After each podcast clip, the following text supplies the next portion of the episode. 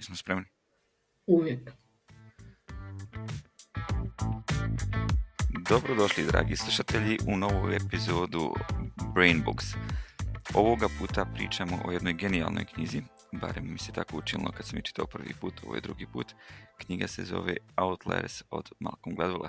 Sa mnom je kao i uvijek moja izuzetno pametna i elokventna Jasmina. Dobro jutro. Eto, ovaj, ko bi rekao da ćemo u šest ujutro snimati podcast, ali ova knjiga i radno vrijeme iziskuje da se dižemo što ranije. Da, ova knjiga u principu mi je Sanja B. preporučila prije 15 godina, tad sam je pročitala, odlična je bila kada je Erni rekao da ćemo je raditi, nije bilo veće sreće. Tako da, evo ga, napokon će doći jadon na svoje kada ćemo pričati o faki. Jasmina, šta ti, se, šta ti se posebno svidjelo u knjizi? I kako si je doživjela drugi put? Jel? Pa u principu isti intenzitet je skoro pa bio. Ovaj, neke stvari možda malkice sada ipak dublje promišljam.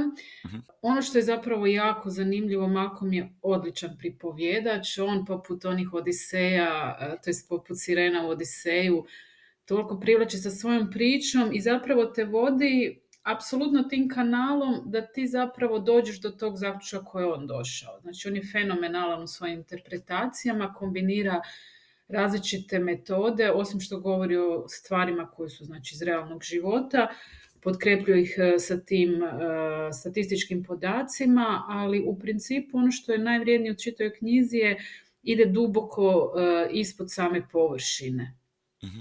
To je ono što je recimo meni bilo toliko onako fascinirajuće. Od zanimljivosti, uplet, upletanje svih tih podataka i dovođenje do nekih zaključaka. Malcolm Gladwell je kanadsko-britanski novinar, odnosno pisac, napisao je masu knjiga, od te mase ja sam, ne znam, pročitao tri i po recimo to tako. Prvi put sam došao u kontakt sa, s njim, sa, njegovom knjigom Blink se zove, ili ti Treptaj, ja mislim da bi, da bi bio dobar prijevod, e, gdje on zastupa teoriju da mi u Treptaju oka, kada vidimo jednu osobu, već imamo mišljenje o njoj i već imamo određene određen sud ili predrasude o toj osobi na osnovu prvog tog nekog utiska. Ili još dublje da odluke koje donosimo nakon promišljanja samo nam se čini da smo je promišljali, on kaže da smo je donijeli u treptaju oka još ranije, a to promišljanje nam samo doprinosi tome da, da je opravdamo. Jasmina, znam da si ti pročitala skoro sve njegove knjige, ako ne i sve. E, jesi li čitala Tipping Point od njega? Jesam, jesam. Sad ne znam da li je to sreće ili nesreće, ali krenula sam sa outlierima to jest i to jest izvan prosjeka i onda nijedna knjiga mi više nije toliko bila sjajna iako su i sva ta preostala dijela dovoljno dobra i svakako ih preporučam zato što stvarno ovaj, puno nekih stvari, a pogotovo ako nekog zanima i sociologija, društvo i takve stvari, mislim da može puno naučiti mhm. iz njih. Mm-hmm. Tipping point sam ja čitao kada sam imao svoj startup, pa mi je bilo interesantno zato što on pokušava istražiti onu tačku u, vremenu kada nešto postane viralno popularno, jel? To je možda interesantno i za naš podcast, ovaj, baš me zanima u kojem trenutku će se to desiti. Ali da se, da se vratimo možda outliersima. O čemu govori knjiga? Pa govori o tome zapravo e, kako ljudi kada percipiraju nečiji uspjeh, e, možda vide samo tu osobu. A zapravo e, on želi obrazložiti koliko je upravo različitih stvari pridonijelo da neka osoba uspije ili neki projekt. Tako da e, nekad ljudi olako kažu a ovaj je ili imao sreće ili tako, a iza toga vjerovatno ono, stoji puno rada, e, puno prilika, e, dosta tih stvari o kojima ćemo mi govoriti i želimo zapravo ljudima pokazati koliko različite stvari zapravo utječu da bi neko došao do takvog nekog uspjeha mm Outliers je pojam koji se koristi i u machine learningu, jel, učenju mašina, u principu je to statistički koncept koji razmatra one pozicije jel, u, u svijetu ili u statistici koje leže van tog nekog redovnog klastera. I to je ono što je on radio. Znači, on je u, svojoj knjizi analizirao ljude ili pojmove koje leže van običnog klastera, tipa zašto su uspješni ljudi stvarno uspješni, zašto, ne znam, gradići poput Rozeta u Americi nemaju srčanih oboljena, zašto je Mozart uspješan, zašto je Bill Gates uspješan i tako dalje. I to provlači onako vrlo, vrlo interesantno i kroz naš svakodnevni život i kroz odgoj djece i ne znam ja, kroz, kroz milion drugih nekih, nekih stvari. Znam da se tebi priča o Rozetu posebno svidjela, da, to je bila priča koja mi se tad jako svidjela, govori zapravo o talijanskim doseljenicima u Ameriku koji su zapravo na, kao i puno drugih e, dijelova, to jest puno stanovništva iz Europe preselilo u Ameriku prvenstveno radi egzistencijalnih problema i kako su se oni grupirali u to jednom, ajmo reći, području i što je bilo znakovito, otkrili su da zapravo oni ne oboljevaju tih srčanih bolesti u onom odnosu koliko ove druge zajednice obolijevaju. To mi je zapravo bilo jako zanimljivo i onda su išli istraživati u čemu je stvar. U principu gledali su prehrana je više manje slična, na, način života je također ono prilično težak, ali ajmo reći sličan. I pokušali su odgonetnuti zbog čega oni zapravo imaju tako malo ovaj, srčanih oboljenja. Ono što je zapravo bitno je on sve to potkrepljuje statistikom. To nisu neke samo nagađanja, nego zaista znači temeljem nekih izvora. E, I ono što je bio zaključak koliko je e, to društvo ili community bitan u tom odnosu da zapravo e, ta podrška društva je toliko bitna upravo recimo i kod tih nekih bolesti da kada se čovjek osjeća dijelom neke grupe da nešto radi, da zapravo može jako utjecati na njegovo i psiho i fizičko stanje. On u knjizi onda nastavlja dalje sa pričom ili, sa efektom koji se zove Matthew efekt, ja mislim da, se, da je dobio naziv po, po, po treneru hokejaške ekipe u, u Kanadi. Desilo se to da je žena od Matthewa primijetila da su svi članovi reprezentacije rođeni uglavnom januar, februar, eventualno mart i bila je, ja mislim, jedna osoba koja je rođena kasnije. I onda je pitanje, Malkom to objašnjava onako, da li je horoskop kriv, da konstelacija zvijezda pod kojim su rođeni i tako dalje ono što je pronašao i to je vrlo interesantno je da postoji nešto što se zove cut off date. I to, to isto i mi imamo, znači kad, kad naši klinci idu na, na sport, sortira se, ne znam, nija generacija 2008-2009. Ali cut-off date je cut-off date je na početku godine. I taj cut-off date znači da dijete koje je rođeno u januaru, recimo 2008. i dijete koje je rođeno u decembru 2008. će krenuti trenirati sport zajedno, iako su isto godište, razlika između njih je skoro godinu dana. A godinu dana kad imaš 4-5 godina je u principu 20% tvog, tvog života. Šta to znači? Da dijete koje je rođeno u januaru ili februaru je malkice jače od tebe, malkice brže. Ali to što je malkice brže sad trenutno mu donosi ekstra pažnju trenera donosi mu ekstra minutažu na terenu i dešava se da svake godine, iz godine i godinu, zato što dobija dijete jednostavno više prilike da bude na ne znam nija futbalskom polju, dobija svaki put sve više i više prilike da postane sve bolji i bolji. I ta razlika prvu godinu kada krenu trenirati s pet godina nije toliko velika, ali za 3-4 godine postane toliko velika da djeca koja su rođena u decembru, ako im je cut-off date bio 1. januar više ne mogu sustići ovu djecu koja su rođena u januaru, februaru.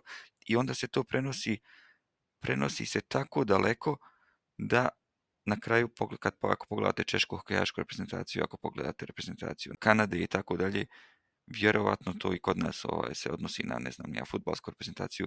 Djeca koja su najuspješnija su rođena u prva dva mjeseca.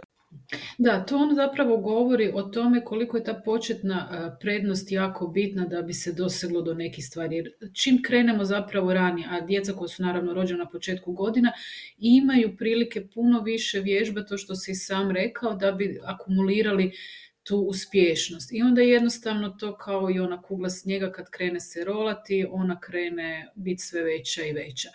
Tako da on sa tom pričom e, zapravo hoće reći e, da postoje određene skrivene prednosti koje možda mi na prvi pogled ne uočavamo.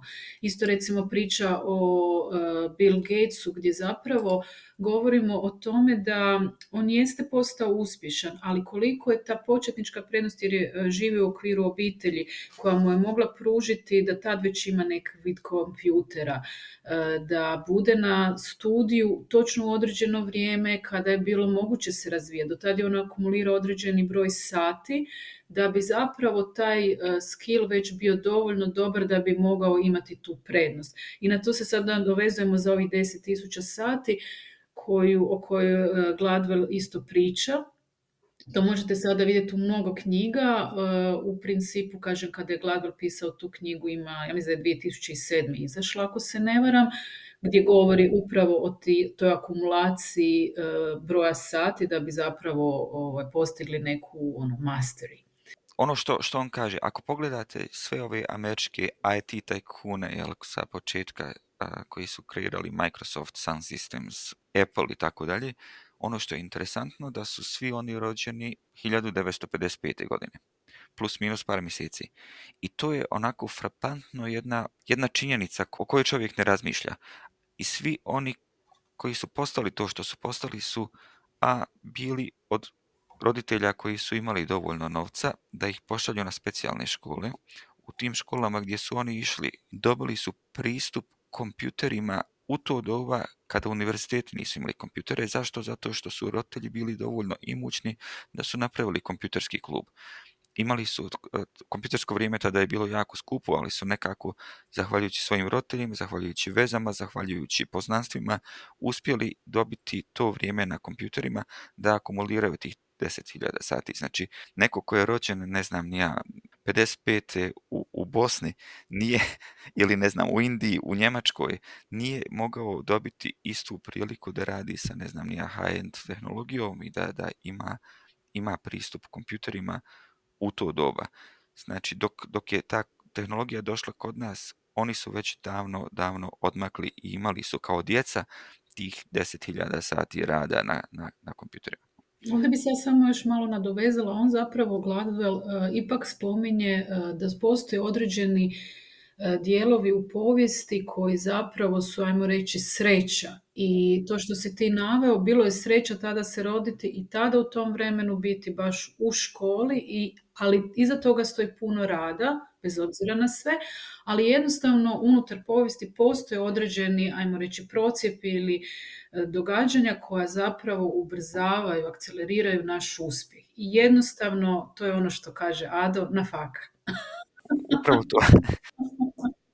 mi bi upasni rekli na faka Znači, nekad, nekad moraš imati dovoljno sreće da, ti, da si rođen ili mora ti biti određeno, da si rođen u određeno vrijeme u na određenom mjestu, da nisi ni prestar, ni premlad za, određen, za određeni poduhvat, da ti se poklopi da kao Bill Gatesu, da, da imaš roditelje koji mogu financirati određene stvari, da, da isto kao, ne znam, ja Steve Jobs, da poznaješ prave ljude, veliki bankarski tajkuni ili veliki naftni tajkuni iz Amerike, oni su svi u principu rođeni unutar dvije, tri godine u jednom desetljeću, ne znam, 1830. JP Morgan i tako dalje.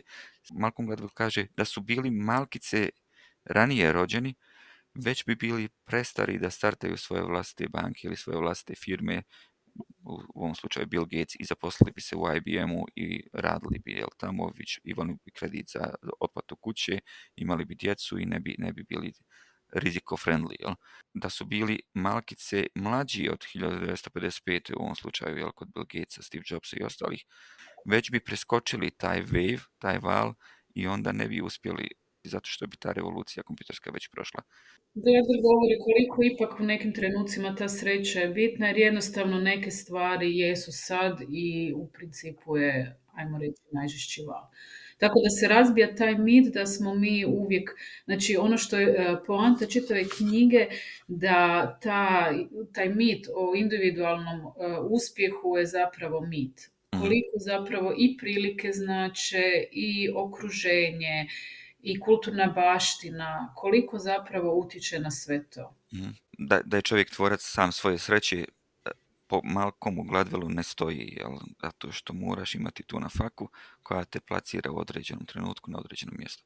Tako, i zato mislim da je, e, osim, e, mislim, ja stvarno jako puno čitam, Naravno ima ljudi koji više čitaju od mene, ali neke knjige su stvarno ključne da bi mi mogli percipirati život na određeni način. I u principu kada nemamo, ovo je stvarno istraživačko i novinarstvo, gdje nakon toga mi e, sagledavamo stvari ipak na drugačiji način. I ovo je jedna po meni od ključnih knjiga zapravo za ajmo reći, e, formiranje nekog mišljenja i o uspjehu, ali i općenito o životu. Mhm ono, ono što on kaže je da vi možete biti isto rođeni gdje god hoćete i kad, hoćete, ali morate, morate biti majstor svog zanata, znači morate postići taj mastery. Jel? I interesantno o tom masteriju smo pričali u zadnjoj knjizi Drive, ako niste poslušali podcast, vratite se. I on kaže da bi postigli mastery, postoji nešto što se zove, ne znam, 10.000 sati investirano u svoju karijeru, ili u nešto u čemu želite biti dobri. I svi ovi ljudi koji sam navao prije toga su imali priliku još kao mala djeca početi raditi, ne znam, u ovom slučaju sa kompjuterima ili sa nečim drugim, da bi do vremena kad, kada, imali dva, kada imaju 20 i nešto godina imali tih 10.000 sati i bili bi majstori svog zanata. Apsolutno. I recimo priča o Beatlesima je meni odlična, ali pošto se tjerni bolji u pričanju, ajde ti o, ovaj, ispričaj slušateljima malo tu priču o Beatlesima. On priča priču u principu o par muzičara, jel tu je, jedni su Beatlesi, jel? a drugi je Mozart, tako da obje, obje priče su vrlo interesantne, možda ih možemo ispričati. Beatlesi su stekli svojih 10.000 sati vrlo brzo kroz unutar, unutar ne znam, nija tri, četiri godine, oni su totalno nepoznat band bili iz Liverpoola. E, u jednom trenutku su upoznali jednog menadžera iz Njemačke koji je radio u Hamburgu i koji im je, im je našao gažu, vjerovali ili ne, u nekom striptiz ili porno klubu tamo.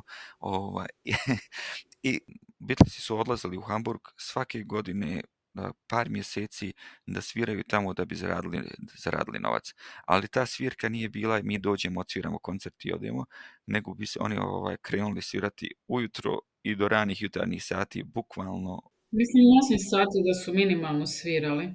Znači, to svakodnevno sviranje, nekoliko mjeseci, svaki dan, im je dalo priliku A, ne samo da uvježbaju svoje hitove, nego B, da, da postanu jako dobri u sviranju i da isprobaju neke nove stvari koje se ne bi možda usudili da su odmah išli snimati, snimati ploče. Znači, Beatlesi su stekli tu svoje, ti svojih 10.000 sati u porno klubovima i striptease klubovima u Hamburgu. Moca s druge strane, ako mogu ispričati, on važi kod nas kao čudo djeteta i krenuo je ono, komponirati jako, jako rano i tako dalje, ali ne trebamo zaboraviti, a imao je roditelje, odnosno oca koji je isto bio muzičar i koji ga je gurao u tom smjeru i to što je Mozart napravio sa 4-5 godina je bilo isto tako ono pomognuto i od strane oca i od njegovih ostalih učitelja, tako da to što je i napravljeno 70 godina kod Mozarta nema tu vrijednost kao ono ona djela koja je napravio sa 20 nešto godina. I onda što Malcolm kaže, ne trebamo zaboraviti, sa 20 nešto godina Mozart je već imao tih 10.000 sati. Da li, e, Erni, to znači da nakon 10.000 e, sati podcasta ćemo moći držati govore na, ne znam, nekim stadionima? I e, mi koliko dugo ovo radimo, ja već mislim da im imao 20.000 sati. ja smo barem blizu masteri. mislim da smo jako blizu masterije, to ćemo pitati naše slušatelje. Da, apropo Pula, baš sam pitala na e, mrežama koliko je ljudi pročitalo knjigu, za sada vode oni koji nisu, što je zapravo s jedne strane super jer možda nakon ovog podcasta će htjet pročitati, a opet sam tužna jer ta knjiga je već dugo na tržištu i onako, e, to je neki dragulj koji zapravo leži neotkriven. Mm. moja knjiga. ja već ovaj, šest mjeseci iz dana u dan obećavam Jasmini da ću pročitati njenu knjigu i počeo sam čitati i sviđa mi se, mogu je preporučiti. Ok, znači šta smo, šta smo naučili, naučili do sad? Na, naučili smo a, da, da morate imati morate imati na faku da budete rođeni u određenom trenutku, određenom mjestu ili da budete u određenom trenutku na određenom mjestu. Ako vam je dijete rođeno u decembru, a cut-off date e, za vaš futbalski tim je 1. januar, nemojte se ljuti na njega ako nije, ako nije najbolji u klubu. Zašto? Zato što jednostavno nema šanse od ove djece koja su rođena skoro godinu dana prije njega. E, naučili smo isto da čak i ako ste talenat i ako ste rođeni na pravom mjestu i u pravo vrijeme i sa pravim, pravim e, cut-off date to ne znači ništa ako ne budete radili i ne uložili tih 10.000 sati. A ja bi se nadovezala, čak i ako radite 10.000 sati, a rođeni ste u pogrešnom vremenu, nemate na fake, you are screwed. to je izreši, jer ćemo izdeprimirati slušatelje. Mm. zato je njegova knjiga interesantna, uh, tipping point, gdje on u principu analizira u kojem trenutku neki normalan uspjeh postane stvarno viralan da se vratimo možda na knjigu, još jedno, još jedno pitanje, to znam da se tebi svidjelo više nego meni. On govori također o kulturnoj baštini. Pa dobro, tu ima puno stvari koje su meni zanimljive i koliko zapravo mindset određenog društva utječe na samog čovjeka, kako percipirati se, da li ćemo biti individua ili dio društva. Kad pogledamo recimo kineskog društva gdje se zapravo eh, gleda na cijelinu, na društvo i uspije društva, a ne toliko na individue, koliko recimo u Europi se, to je eh, ajmo reći u Americi, ta kompetitivnost, e, individualizam e, možda čak više cijeni nego, ajmo reći, čito društvo. E, tako da to ima, možemo ono do beskonačnosti raspravljati. Ono što je on naveo u knjizi, koliko i tako je, recimo, poslovice djeluju na naš mindset, gdje on zapravo navodi Kogod može ustati prije zore 360 dana na godini, obitelj mu mora biti bogata. Znači, ako imaš takvu poslovicu, jednostavno imaš taj drive da trebaš to raditi, da se trebaš dizati i mhm. to je recimo jako zanimljiv primjer kada on govori e, vezano za autoritet. Tu je divan primjer sa aviokompanijama gdje e, on govori o rastezljivosti pojma autoriteta kada je bilo toliko nesreća u korejskim aviokompanijama. E, pokušali su doći šta je problem?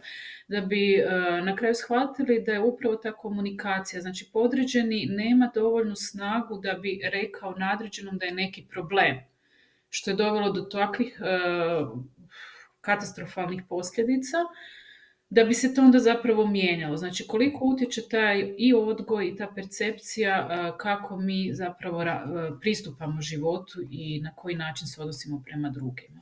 Mhm. On, on kaže u principu da je vožnja avionom toliko siguran kao korištenje tostera, on, a, i da morate napraviti sedam uzastopnih ljudskih grešaka koje je pravo teško napraviti da bi doveli avion u bilo kakvu opasnost, znači jednu za drugom. I jedna od stvari koje su vidjeli da se, da se dešava je da postoji društva gdje se autoritet više cijeni i postoji društva gdje se autoritet manje cijeni. I ako vi kao kopilot svom pilotu ne možete reći majstore, skreni desno sad, jer ovaj, zabit ćemo se u, planinu, ili ne znam, nestat, ostaćemo bez goriva. On stvarno navodi primjer kolumbijske aviokompanije koja nije imala dovoljno snage da, da aerodrom čini mi se u Yorku ili ne znam negdje u Americi kaže ostajemo bez goriva, mi moramo sletiti sad, ne zanima imate li mjesto ili ne. Umjesto toga šta su ljudi rekli, rekli su ok, pokušat ćemo napraviti još jedan krug i naravno da nisu uspjeli napraviti još jedan krug. Kontrolni Tora nije znao da su oni u takvoj situaciji, on je rekao, ne znam ni ja, nemamo trenutno mjesta za slijetanje, vratite se, ne znam nija, u Q i e, sačekajte da, da sletite i oni su na to jednostavno pristali zato što su prihvatili taj autoritet. Ali ono što sam naučio i što on kaže da je e, uvijek bolje u avionu ako kopilot vozi avion, zato što kopilot je podređeni pilotu i onda pilot može lakše izdati naredbe ako vidi da se nešto dešava drugo. I neće reći da li biste možda mogli skrenuti lijevo jer ćemo udariti u planinu, nego će reći, ne znam, skrenu lijevo, opasnost ispred nas. Da, i ono što je super, recimo, Malkom daje i rješenja na te sve probleme, ajmo reći. Ono što je on obrazložio, kako su vidjeli da se može riješiti taj upravo problem, E, komunikacije, to je vezano za autoritet, gdje on govori o tome da sam time da su promijenili jezik e, kojim se moraju piloti služiti, a to je engleski, već se taj mindset promijenio. Mhm. Tako da to je zapravo e, sjajno gdje on pokazuje da sa određenim stvarima možemo promijeniti na bolje i taj dio. Recimo, meni isto zanimljivo u odgoju, poslije ćemo se vratiti malo detaljnije, ta asertivnost na kojoj se sve više radi, ne samo kod mlađih nego i kod starih, gdje zapravo e, pomaže ljudima založiti se za sebe, mhm. naravno ne na uštrb drugoga. Mhm. I što mi je bilo zapravo zanimljivo, jedno je ono, znaš, ja isto mislim, mislim svi mi gledamo svijet na način kako mi mislimo, recimo, baš sam jučer vodila raspravu sa svojima kao ono, ako mi je sila na WC, ja ću čak otići do vozača autobusa i zamolit ga da ono, ako može ikako stane. I onda su se moji iznenale, pa kao, kako ću ja to njemu reći? Zašto bi on stao? Pa rekao, to je nešto što zapravo možemo probati jer ti je stvarno potrebno, ali mislim to moraš reći da bi zapravo i dobio. Tako da e, očekujem, ajmo reći da kod nas nemamo toliki taj problem sa autoritetima ili asertivnosti, ali činjenica da imamo. Mhm. To su tako banalni primjeri, ali evo pokazuju da mhm. to stvarno treba na tome raditi. I ovaj utjecaj jezika što si, što si rekla, znači e, svi mi koji radimo na različitim jezicima, jel, ja, ja kod kuće pričam bosanski, na poslu pričam engleski, ne znam, ja u društvu pričam e, njemački i stvarno imam nekad utisak da, da se drugačije izražavam. A e, i španjolski da naučim i to je to. ne, ne, španjolski pričaš. Ovo e, samo sad je uvijek. Ono, kad... Jasmina sad ne može vjerovati da sam ovo rekao. I smije se, samo da znate. Kat. ovo će biti kat. Dobro. Znači, imaš nekad stvarno utisak da jezik daje ti okviru kako ćeš razgovarati u određenom trenutku i sa određenim autoritetima. Jel, ja sam kao dijete u bosanskom naučio da budem pristojniji, asertivniji i tako dalje. Na engleskom, na engleski sam naučio kao poslovni jezik i onda sam tu puno direktniji, puno konkretniji, puno naredbedavniji. Bravo, bravo, to je stvarno nevjerojatno. I stvarno da, da, da sam drugačiji od su genijalni. E, možda, možda sad za prvi dio da zaokružimo, e, još bih jednu stvar volio samo kao teaser e, napraviti, o tome ćemo pričati u drugom dijelu, a tu je odgoj djece. On priča da uspješnija djeca u principu imaju roditelje koji su angažirani da bi im poboljšali taj master i njihov. Ali kao što rekoh, detaljno o tome u drugom dijelu podcasta. Nadam se da je ovaj podcast zapravo zaintrigirao za ovu knjigu izvan prosjeka, e, da Gladwell će vam još prosvjetliti neke stvari o kojima nismo pričali. Iako me raduje sljedeća emisija jer vam dovodi, donosimo nove e, poglede e, i ta jedan, jedna od poglavlja se zove Nevolja s genijima, izuzetno zanimljiva, a oni koji su gledali film Oppenheimer znaće onda o čemu pričam kad spomenem otrovnu jabuku. Znači, milion priča se ima u knjizi, mi ne možemo sve prenijeti i preporuka, bez obzira na ovaj show, poslušajte show i onda otiđite pročitajte knjigu, sigurno imat ćete svoj neki a, e, drugačiji, drugačiji pogled na svijet. Hvala vam puno i vidimo se za pisanicu. baby.